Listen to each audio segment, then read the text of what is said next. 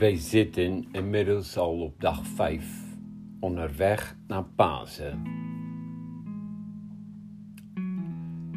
Het is mooier weer toen dan dat wij begonnen waren,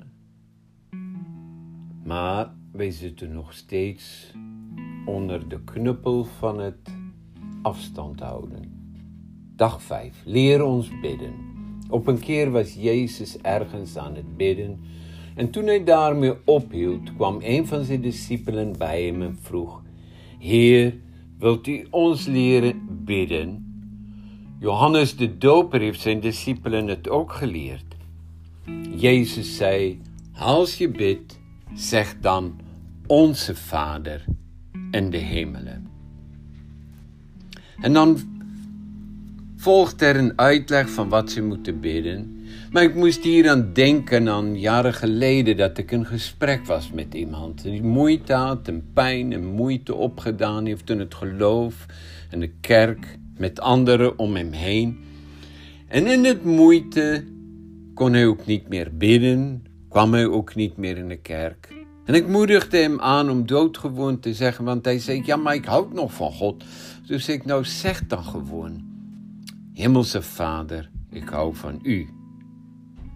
Hij heeft het vaak gedaan, maar hij kwam niet verder. Tot het moment dat ik zei, nou zeg dan gewoon onze Vader. En hij zei onze Vader en hij brak. Want gebed heeft te maken met relatie.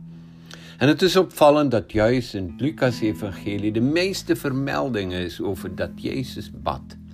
Tot wel elf vermeldingen. En een van zijn discipelen vroeg, Heer, leer ons bidden. En dan gaat het niet altijd om de rechte woorden te vinden, maar de rechte hartsgesteldheid. En met heel je hart in zijn tegenwoordigheid te komen en je hart te laten spreken. Maar, zoveel zeggen, wij weten niet altijd wat we moeten bidden. Ja, niet alleen wij hebben er last gehad, zelfs Paulus. En van de grootste apostel en een schrijver van meer dan driekwart van het Nieuwe Testament, die zegt wij weten niet altijd wat we moeten bidden, maar de Geest zelf pleit voor ons met woordeloze zuchten. Wat een tegemoetkomen. Zelfs de Geest helpt ons waar wij niet uit onze woorden komen. Het staat in Romeinen 8, vers 26. De Geest helpt ons in onze zwakheid.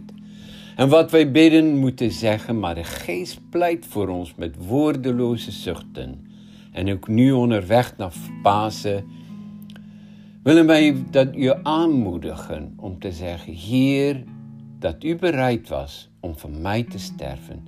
Daarvoor wil ik u danken. Heer Jezus, ik dank u. Luther zei vroeger, eenmaal zingen is driemaal bidden. En ik moet denken aan gezang 182 uit het oude liedboek van de kerken. Jezus, leven van ons leven. Jezus, dood van onze dood. U hebt uzelf voor ons gegeven, u neemt op uw angst en nood. U moet sterven aan uw lijden om ons leven te bevrijden. Duizend, duizendmaal, o Heer, zij u hierom dank en eer. Amen. Tot morgen.